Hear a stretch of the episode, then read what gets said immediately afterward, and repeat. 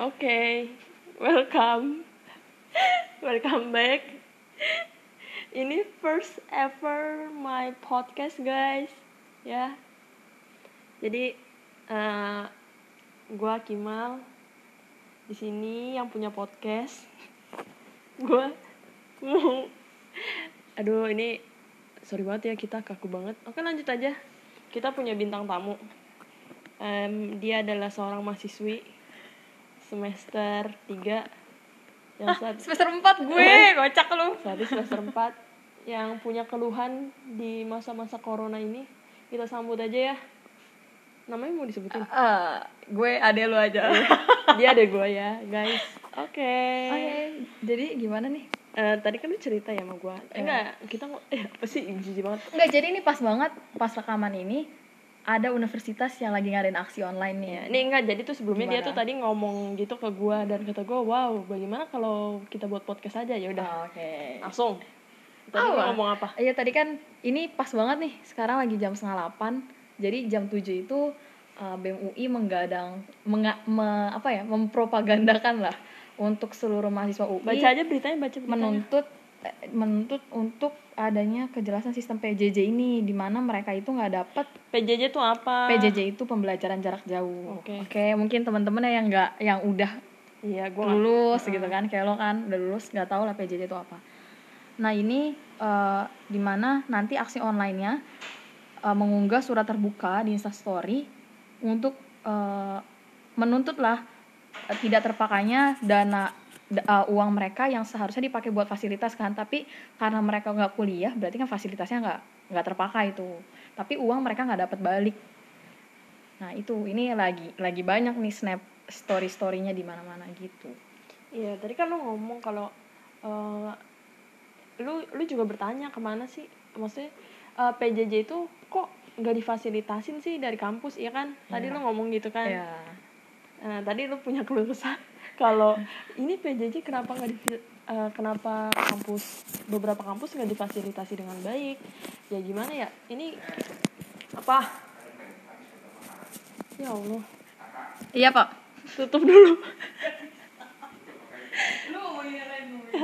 Ya jadi kayak PJJ ini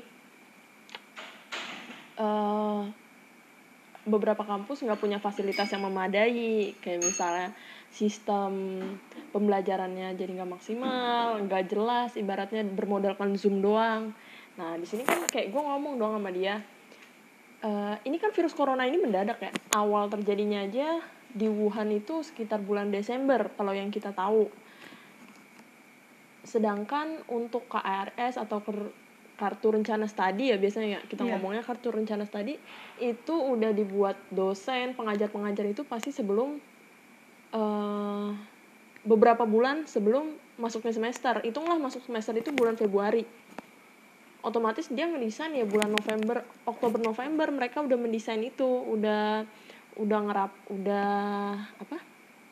Udah ibaratnya apa sih? Udah memutuskan lah kalau misalnya mereka punya kak punya rencana studi yang begini-begini yang biasa mereka lakukan. Sedangkan kita baru penerapan PJB PJJ PJJ aja baru sekitar bulan Maret lu ya iya. baru bulan Maret otomatis ya dengan fasilitas adanya dengan keputusan yang mepet otomatis dosen-dosen lu kayak mutusin ya udah kita lakuin PJ PJJ aja karena ini udah keputusan dari pemerintah mereka nggak ada persiapan apa apa mereka persiapannya kuliah di kampus biasa nak iya oke okay. iya. lu juga uh, lu kan di Unas Eh, ngerasain sistem online kan iya kalau gua kalau gua pribadi nih di Unas iya. gua kan kuliah di Unas menurut gua uh, kampus gua tuh nggak begitu terlalu masalah ya kalau misalnya ada uh, eh, PJJ ini. Soalnya mereka udah menerapkan sistem online dari zaman dari beberapa tahun lalu. Maksudnya gue nggak tahu sih dari beberapa tahun lalu ya. Pokoknya dari tapi sebelum, udah ada lah program udah online ada. udah ada. Nggak kayak ini kan karena corona. Gitu. ya contohnya di kampus lu lah. Lu emang bener ngandelin zoom doang kan? Enggak sih. Sebenarnya ada ada apa namanya web khusus buat kuliah juga. Tapi ya ya gimana ya lu juga buka web butuh kuota bre. Itu sebenarnya jadi masalah. Lu mau cari fast apa ya namanya ya uh, platform seefisien apa pun untuk kuliah tetap butuh kuota. Itu yang menjadi masalah sebenarnya. Yang menjadi masalah kuotanya? Kuotanya. Kalau yang selama ini gue terima. Coba deh lu sebelum kuliah aja sebelum kuliah online lu nyari tugas kan pakai kuota? Iya gue tahu bre. Tapi kan ini nih gini ya. Oke kenapa yang jadi masalah? Uh, gue nggak tahu sih untuk urusan BEM BEM UI ini ya. Gue kan bukan anak UI eh gitu ya. udahlah BEM UI itu cuman kayak Pemanasan ah, aja lah. pemanasan aja kayak kita Ya, ingat kalau yang gue rasain tuh uh, sebenarnya bukan gue doang sih yang ngerasain teman-teman gue terutama. Kalau gue kan di rumah pakai wifi ya. Ini keluhan dari teman-teman gue jadi mereka tuh bermasalah di sistem kuliah yang harus tatap maya. Jadi kan wajahnya harus kelihatan nih. Kalau lu pada kuliah biasanya pakai zoom. Nah di zoom itu yang narik kuota lumayan besar ada uh, sebenarnya udah ada anjuran dari pihak pusat buat minta ke dosennya untuk gak pakai uh, zoom itu. Maksudnya nggak usah pakai tunjukin video wajahnya gitu biar ngehemat kuota. Tapi ternyata masih ada nih uh, dari dosen-dosen terkait yang memaksakan mahasiswanya untuk ngelakuin itu. Maksudnya tetap harus ada video tetap harus kelihatan wajahnya karena biar kelihatan oh iya lo hadir oh berarti lo nggak tidur gitu. Ya gue gue ngelihat respon dosen yang kayak gitu itu mungkin dosen yang strict ya agak Iya. strict gitu. Tapi di satu sisi kadang ada juga yang dosen yang eh, ya udah nggak apa-apa deh kalau kayak gitu ngerti nggak? Yang berusaha melumrahkan lah ya udah nggak apa-apa. Tapi ternyata itu yang gue rasain ada beberapa dosen yang ngelumrahin. Tapi banyak loh dari jurusan lain dari prodi lain tuh yang nggak merasakan hal yang seperti gue rasain gitu. Oh. mereka masih kesulitan. Eh, kalau pengalaman gue online ya sebelum ada corona ini gue kan kuliahnya online.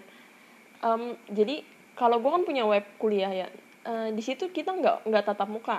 Jadi kayak kita dikasih materi berupa video atau PPT yang dijelasin sama dosennya. Nanti kayak kita buka forum kayak forum eh, Facebook gitu. Jadi lu di situ bisa komen misalnya dosen ngasih jawaban eh, ngasih pertanyaan. Di situ kita komen dan bentuk pertanyaannya itu berupa esai. Jadi kayak eh, apa sih pendapat lu tentang eh, kebidanan?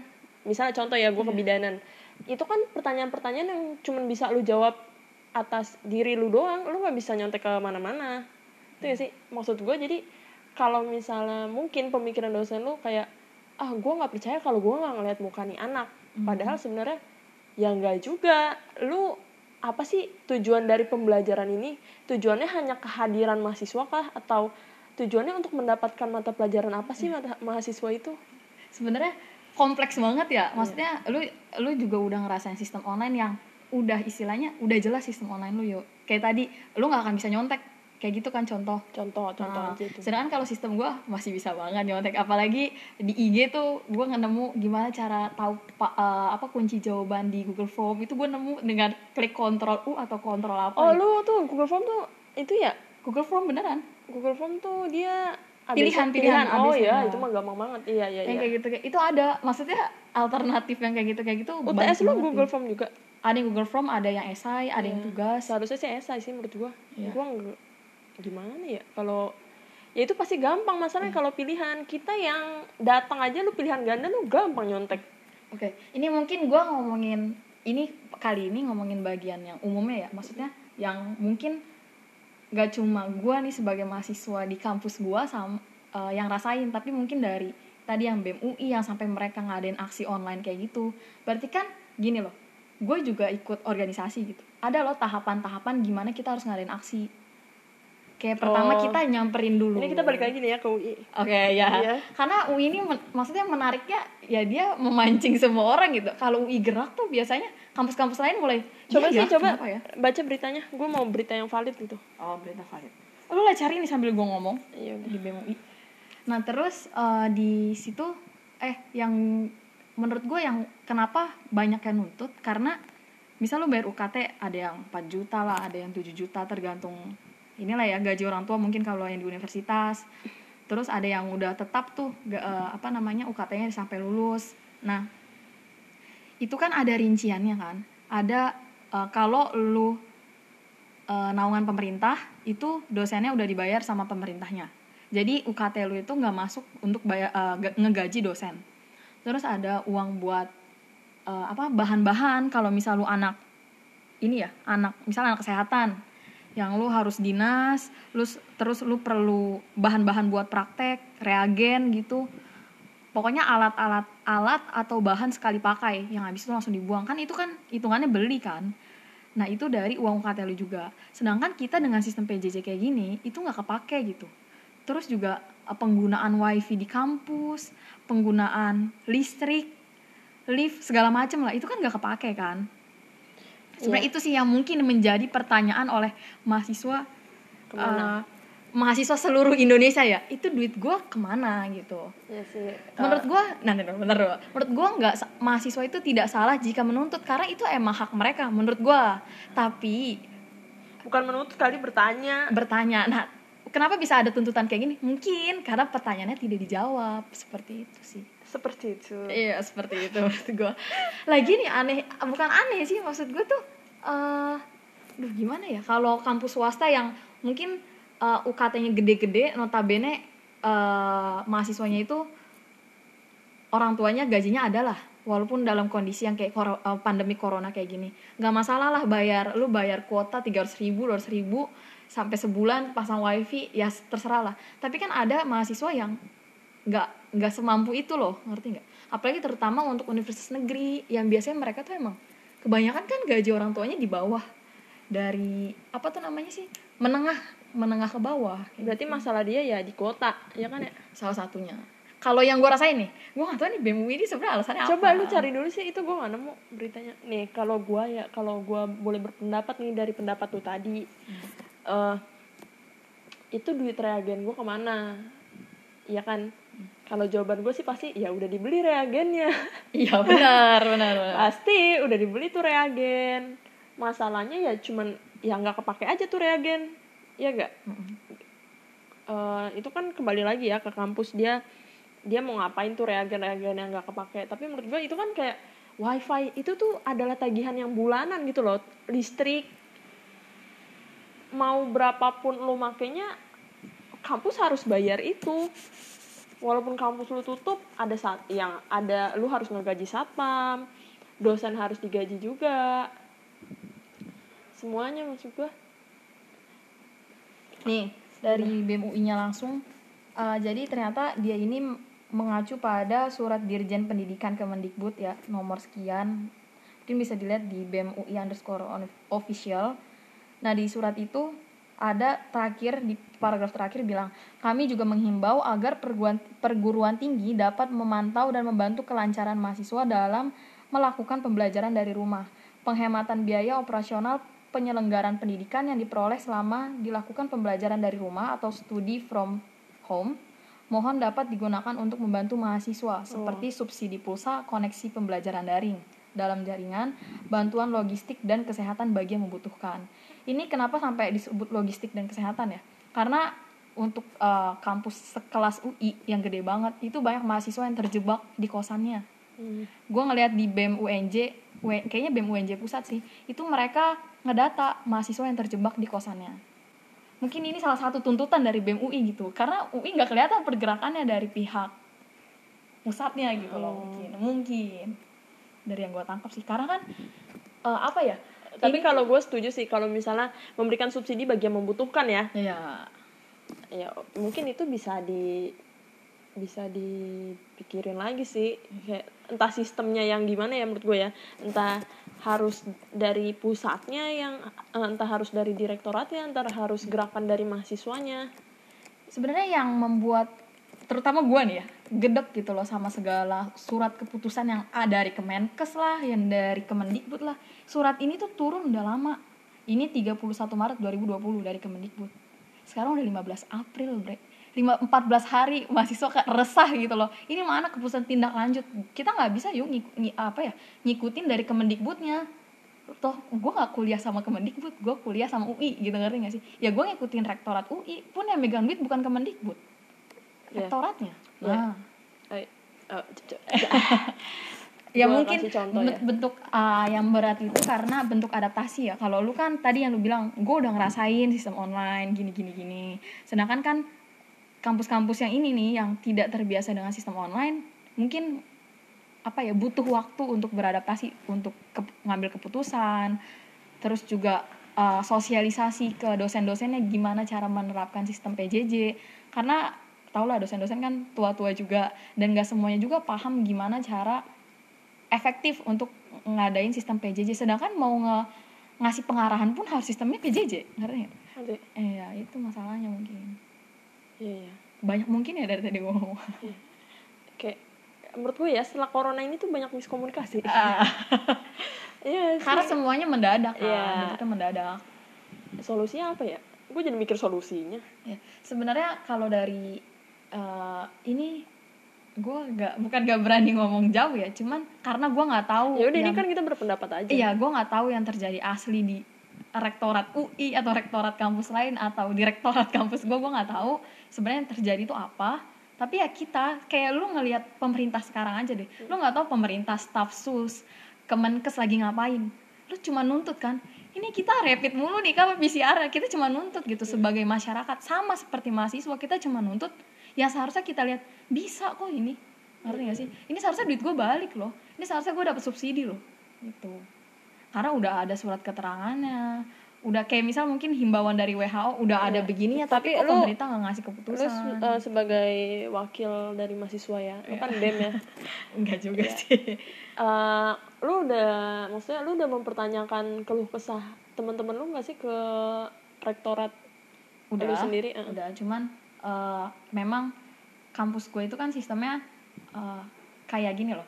Kampus gue ada di seluruh Indonesia senusantara kalau orang-orang ngomong dan itu berpusat pada adalah bagiannya Iya. ada pusatnya nah itu eh, masih menunggu kejelasan dari si pusat ini gitu alasannya yang mereka Keputusan. sampaikan Be- enggak maksud gua kalau kesah mahasiswa yang di Enggak, eh, keluh kesahnya itu udah ditampung ya seluruh Indonesia udah Oh. sama organisasi yang lu tau lah organisasi apa Mm-mm. Ya, sama dari kampu, eh, dari organisasi yang di kampus gua sendiri itu udah nampung aspirasi.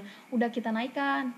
Bahkan yang kita naikkan ini udah dinaikin juga nih sama pihak jajaran ke pusat yang atas banget. Atas banget yang dimiliki oleh pemerintah ya. Nah tapi belum keluar suratnya lagi. Ngerti nggak? Ini kan kalau UI kan berkaca dari Mendikbud. Dia tahu nih oh Mendikbud udah ngeluarin. Sedangkan kampus gue belum gitu loh. Itu yang ditunggu-tunggu sebenarnya. Karena duit gue itu juga ada loh eh, apa namanya yang masuk ke ke pemerintah gitu. Karena kan gue naungannya pemerintah dinaungin pemerintah. Berarti lu cuma minta kejelasan dari pusat, tinggal nunggu kejelasan dari pusat. iya benar. Dan Kita- nih pu- pusat juga nunggu kayak gitu Eh, pusat di kampus gue lagi nungguin keputusan dari ke pusat atas ngerti nggak? Kalau pusat atas udah ngasih keputusan udah tinggal dicairin Berupa subsidi itu ya. Subsidi. udah dapat kabar kok kayak omongan lah. Udah ada audiensi dari ketua bem gue juga Oh ketua BEM lu udah ngomong ke udah ngobrol. iya udah. Dan di situ bilang ada kemungkinan nanti bakal ada pulsa tapi masih nunggu surat keputusan.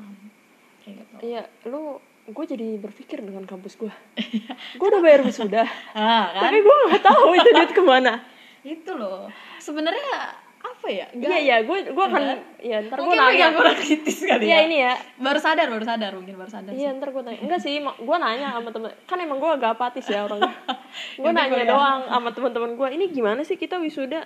Gue rencananya itu wisuda kan April, 11 April lu udah lewat. sudah berapa sih Berapa ya? Lu lupa lah gue. 2 juta Enggak mahal lah lebih dari itu. Oh, gila ya gue wisuda ntar di. JCC mahal dong anjay cuman gue nanya sama teman-teman gue jawaban mereka ya kan ada tuh surat edarannya. Itu tuh diundur sampai waktu yang tidak ditentukan. Ha, itu yang gue agak ah, bukan sebel ya tapi namanya kalau gue kan wisuda kalau gue wisuda. Oh, iya, wisuda masih bisa diterima ya udah yang penting gue terima ijazah. Cuman duit gue aja tuh yang gue pertanyakan. Tapi pas gue mikir duit gue ke mana ya pasti wisuda. Cuman nggak tahu entah tahun ini atau tahun depan. Iya. kalau wisuda itu STR bebannya kan nggak tahu eh gue ya, ijazah mah dapet dapet aja. Ah. ijazah gue udah dikasih via online via email. Itu berlaku? Berlaku dong kan bisa di scan Oh, iya, oke. tapi ntar gue juga bisa ke kampus kontak kampus buat ngambil. Tapi itu harus kontak dulu jadi nggak terlalu penuh kan yang ngambil ijazah itu. Gue soalnya ngelihat surat Suin atau kan. Suin kan apoteker kan? Dia kan dia tuh nge-share snap wa nya. Ini kita ngomongin tante kita nih iya. yang baru lulus Iya, dia apoteker. apoteker, ah. dan karena pandemik ini akhirnya ah, karena diseb- di surat itu yang gue baca disebutlah kalau wisuda ini itu krusial banget buat mereka karena ada sumpah. Oh iya. Ya mungkin kalau lu udah di Keping deh ya gue nggak tahu sih.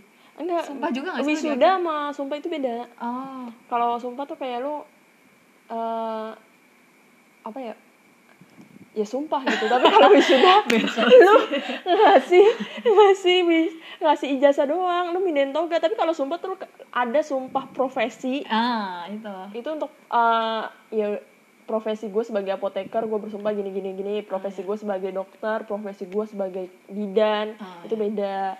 Iya, yang gue baca di suratnya akhirnya sih diputuskan bahwa bentuk uh, soft copy-nya itu berlaku. Karena kan mungkin ada yang ingin penaikan Oh, gaji iya, loh, iya. ngerti nggak sih dengan penaikan jabatan penaikan jabatan. lu Kalau jabatan naik gaji naik dong. iya iya Iya kayak gitu. sama kayak gue gue juga bisa udah bisa ini temen gue ada yang perpanjang STR kan gue kan dari D3 ke D4 kuliah berarti kan gue udah Gue baru tahu loh lo kuliah itu. Iya. enggak lu aja yang terlalu apatis Iya, oke. ya kan jadi dari D3 ke D4 STR gue kan D3 otomatis ya udah dong perpanjang Ah. D4 nah itu bisa itu via MTKI online. Begindang deh ya si UI masih nggak jelas ya? Nggak sih jelas penuntutan mereka sih. Terus apa lagi nih mbak yang jadi masalah? Sebenarnya yang Nggak menjadi ada solusi, yang ja- bisa memberikan solusi hanya yang dituntut, ngerti? iya. Kayak BEM UI nuntut UI-nya ya UI-nya yang yang harus bakal ngomong yang harus klarifikasi. Iya nggak sih Yes. semua itu butuh mediasi aja butuh ngomong ini gue yakin banget karena corona ini kita banyak mono, Bleh, miskomunikasi Iya. Terus juga uh, gua rasa sih nggak ada sih, bukan nggak ada ya mungkin ada yang memanfaatkan kondisi. Tapi kalau orang yang masih punya jiwa kemanusiaan, walaupun dia memegang uang sebanyak apa pun di kondisi pandemi kayak gini, pasti tetap iya ini kita ngomongin ini ya penimbun masker Iya. enggak enggak. Maksudnya gini loh, ya khawatir aja dari pihak pusatnya itu ternyata nggak nurunin duit subsidi itu karena ya kita nggak tahu diopernya ke mana gitu. kan. enggak kita nunggu aja konfirmasi dari pusat Iya. kita nggak tahu ya ini hanya asumsi Asik. kita tungguin aja kita tunggu kelanjutan berita dari BMUI itu ya, gue juga nunggu sih kelanjutan berita dari kampus gue Ya, kan? Setiap kita yang berkuliah nunggu. Iya, sama kampus lu juga nungguin jawaban kan Iya. Oke lah. Jadi pokoknya sebenarnya gimana ya gue juga sedih sih karena uh, gue megang sosial media organisasi organisasi yang gue ikutin ya. Dan itu ada kelu banyak lah keluhan-keluhan dari mahasiswa bahkan sampai ngirim screenshot habisnya kuota mereka segala macam. Itu amat sangat menyayat hati gue gitu. Gimana ya gue menampung menampung terus tapi nggak gue nggak nangis. memberikan enggak gue gak nangis. Tapi gue gak bisa memberikan feedback ke mereka gitu ngerti nggak? Ya lu itu lu tampung dulu. Udah iya udah Enggak. ditampung udah dinaikin kita tuh udah. eh di dikaji gitu loh. Itu yang ngomong tuh bapaknya kerjanya apa Oh, iya. maknya rumahnya rumahnya gimana? Tau tahu yang yang ngeluh itu emang orang yang hobi ngeluh aja. Ngerti nggak? ya Allah! Udah mah ini kita lagi buat podcast mama jangan ngomong. Ya. pokoknya kayak gitu sih. Ah, yang penting di saat kalian pusing sama kuota segala macam tetap hiburlah diri ya di rumah. Nih mama gimana cara menghibur diri di rumah? Nah Nimbang sekarang lagi badan. nimbang berat badan. Ada yang berat badannya naik kan gara-gara gara-gara PJJ jadi deh. Gitu aja sih. jadi kita tunggu. Kita tunggu lanjutannya lah ya kita kita tunggu kabar selanjutnya. Oke. Semoga semoga sistem pendidikan di Indonesia membaik lah. Dan mungkin ini jadi salah satu canang bukan canang ya? Rencana ke depan pemerintah kalau mau eh, ngadain. iya. Lu ngerti eh, lu ngerasa gak sih kayak misalnya yes eh, karena corona ini tuh jadi tegas akhirnya UN ditiadakan. Ngerti nggak? Iya, menurut lo itu something Iya menurut gue itu suatu How gebrakan yang tidak perlu positive. dipertanyakan tapi orang-orang terus bertanya apakah perlu UN? Apakah perlu UN? Apakah tidak perlu? Akhirnya karena corona ini ya udah tidak perlu UN. Iya nggak? Ya udah kan, ada yang nggak boleh deket-deketan bre. karena corona ini tuh jadi tuh ketahuan yang mana yang benar-benar perlu yang mana yang udah lu mah nambah-nambahin kerjaan aja nambah-nambahin anggaran negara aja. Eh yuk UN tuh gak sederhana cuma buat iya tapi anggaran. kan karena corona ini jadi nggak penting kan kehidupan nomor satu. Iya kesehatan nomor satu. Iya. ya iyalah lu UN kalau lu mati gak ada gunanya. Ya udah. Udah deh. Tapi eh, you. tapi katanya S- besok masuk siang iya. Tapi katanya B- SBM ini ya sekarang nyebutnya apa sih? Eh, ya udahlah SBM kita nyebutnya. SBM ntar dulu mak orang yang buat video. Eh video. Podcast apa? Ya itu ambil aja sana. SBM tuh pakai ini soalnya cuman eh, tes kemampuan skolastik doang. Lu tau nggak? TP TPA tes pengetahuan. Ya Allah itu mah TPA gue menang. yang gue denger denger info gitu bre. Gue kepengen SBM lagi tapi gue udah lewat setahun gitu. Katanya sih tapi kan Lu ya udah lewat setahun ya? gue udah lewat setahun gue udah tua jadi kayak gitu dong Masa sih lu setahun? keselin banget cuman eh, walaupun TPS maksudnya gue ngeliat di IG tuh anak-anak SMA ngeremehin ya lah terus apa gunanya gue sekolah 3 tahun nggak UN nggak SBM SBM cuma TPS Hai. Hey, semua orang akan TPS dan semua orang nilainya akan tinggi. Belum tentu lu bisa nyayain, eh, apa nyaingin orang-orang yang nilainya tinggi. Gua aja gua, gua aja sekolah lama banget, gak bisa juga SBM. Ya Allah, tapi kalau TPS gue jago. Insya Allah. Semua orang deh kayaknya. ya. Soalnya gue selama sekolah kan beli tuh buku SBMPTN gue hanya ngerjain TPS TPS doang kotak-kotak iya kan sinonim Iya, antonim lo- itu iya, doang yang gue kerjain. Ah, anjir Ada hitung-hitungannya juga. padahal ini era gue Tapi udah lulus. ya udah sih itu sih. tapi itu belum jelas kan Ada omongan-omongan Lagian juga gimana ya? Aduh bingung. emang rencananya kapan sih SBM Gak tahu. Gue sedih juga sih teman-teman gue yang rela-rela gap year gitu ya. ya Ternyata berujung seperti ini SBMPTN ya. Cuma yang ya balik lagi nggak ada yang menyangka kan corona comfort corona ini ada gitu ya. Cuman ini rezeki dari Allah kita terima aja ya apa pun terjadi. Itu kan lu ngerasa gak sih? Berarti kan selama ini pelajaran-pelajaran yang itu nggak penting buat ditesin. Iya nggak gitu yuk coba deh logika lu dipakai jadi nggak ini kita ngomongin apa sih? Iya nggak deh. maksud gue eh, nggak ses- kenapa pemerintah itu menjadikan tolak ukurnya seseorang itu layak masuk universitas dengan soal-soal SBM itu tidak sesederhana. Kan nggak penting kan gitu. Iya, corona? Nggak kayak gitu. Iya kayak Iya. gitu. Kayak kayak iya kayak gitu. Deh, Kenapa? coba nih logikanya ya. Gua eh, harusnya gua tes bahasa Indonesia bahasa Inggris MTK IPA kimia fisika dan TPS Hmm. TPS cuma satu itu doang kan ya? Satu itu satu bagian doang. Nah karena nggak ada kok karena corona ini ada corona jadi ya udah tesnya TPS aja loh kok kenapa TPS aja karena di TPS itu tidak ada jawaban yang benar dan salah ya ada Ada. ada sih? Lu salah itu udah mah tes banget. psikologi ya salah salah nggak kayak eh, ya udah TPS itu yang diprioritasin TPS berarti yang lain kan nggak begitu penting seharusnya Iya, gini, Iya. kenapa? Eh, seperti contohnya sekarang yang nih contoh nih gue di rumah sakit. Gue kan sambil kerja di rumah sakit. Eh, sekarang udah ada himbauan yang tidak terlalu sakit tidak perlu ke rumah sakit. Iya. berarti selama ini orang-orang yang tidak terlalu sakit hobi juga ke rumah sakit? Iya, oke. iya nggak? Logikanya sekarang tuh jadi orang tuh bisa memilah yang mana tuh yang dipentingin dalam hidup lo. Yang mana lu cuma nambah-nambahin kerjaan lu doang. Enggak, oke. Udah?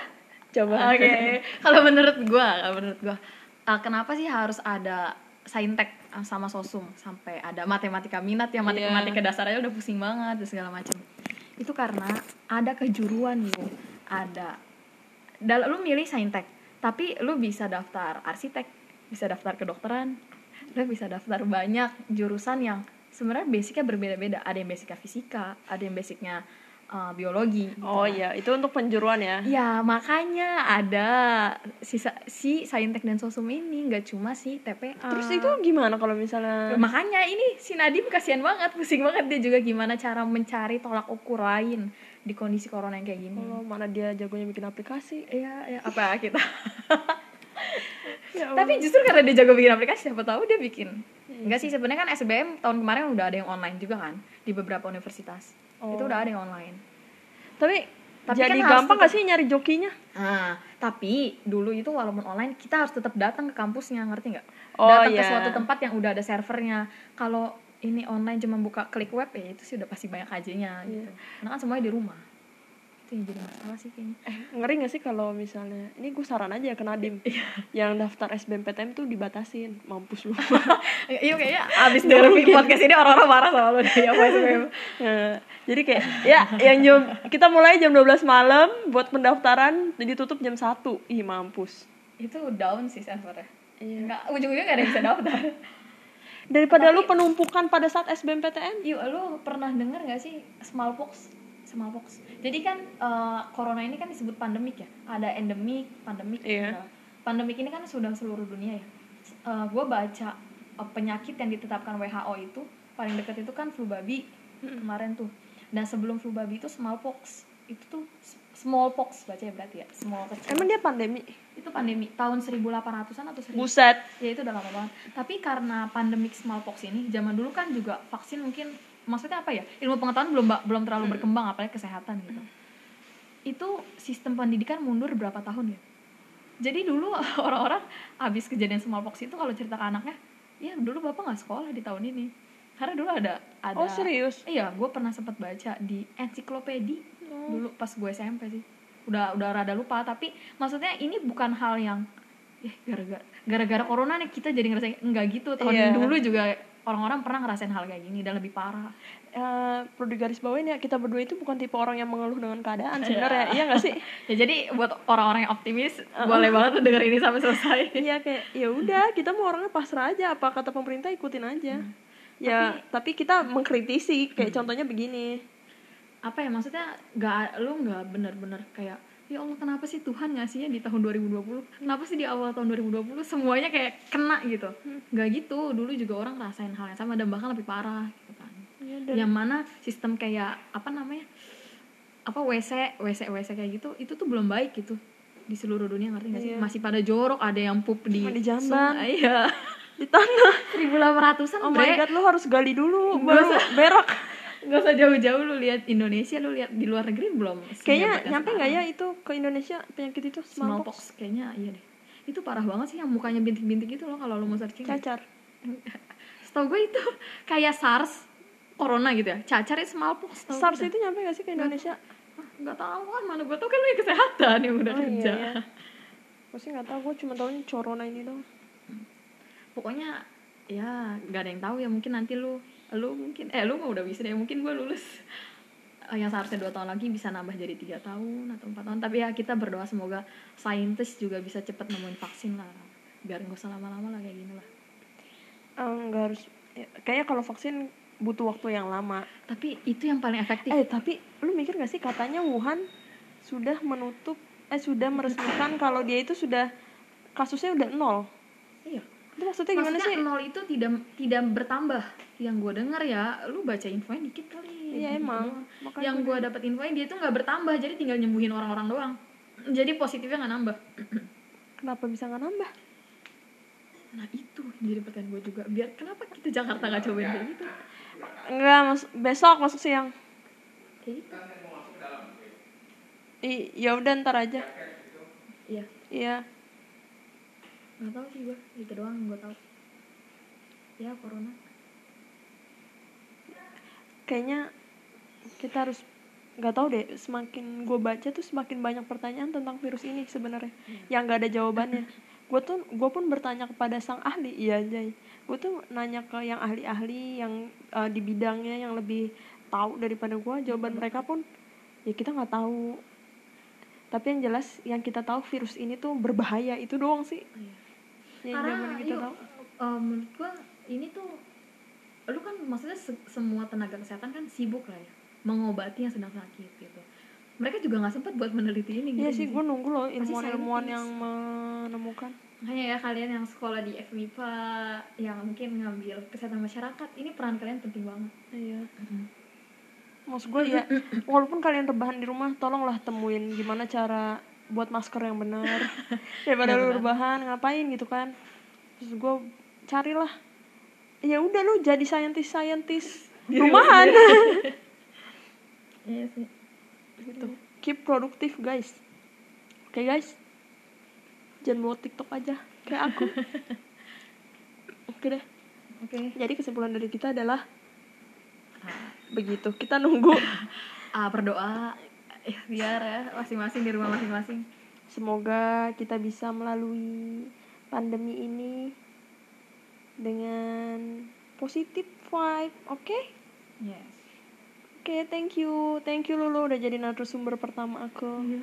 kesel banget gue ini masa jam mentang-mentang semuanya di rumah aja sekarang ada perjodohan online ini Udah, ah, udah. sumpah sumpah ini gue baru di share gue Gue banget. jadi mau. ya udah ya udah kita tutup aja mungkin kita bakal bahas itu Nanti. di podcast berikutnya Iya, oke, thank you. Bye bye.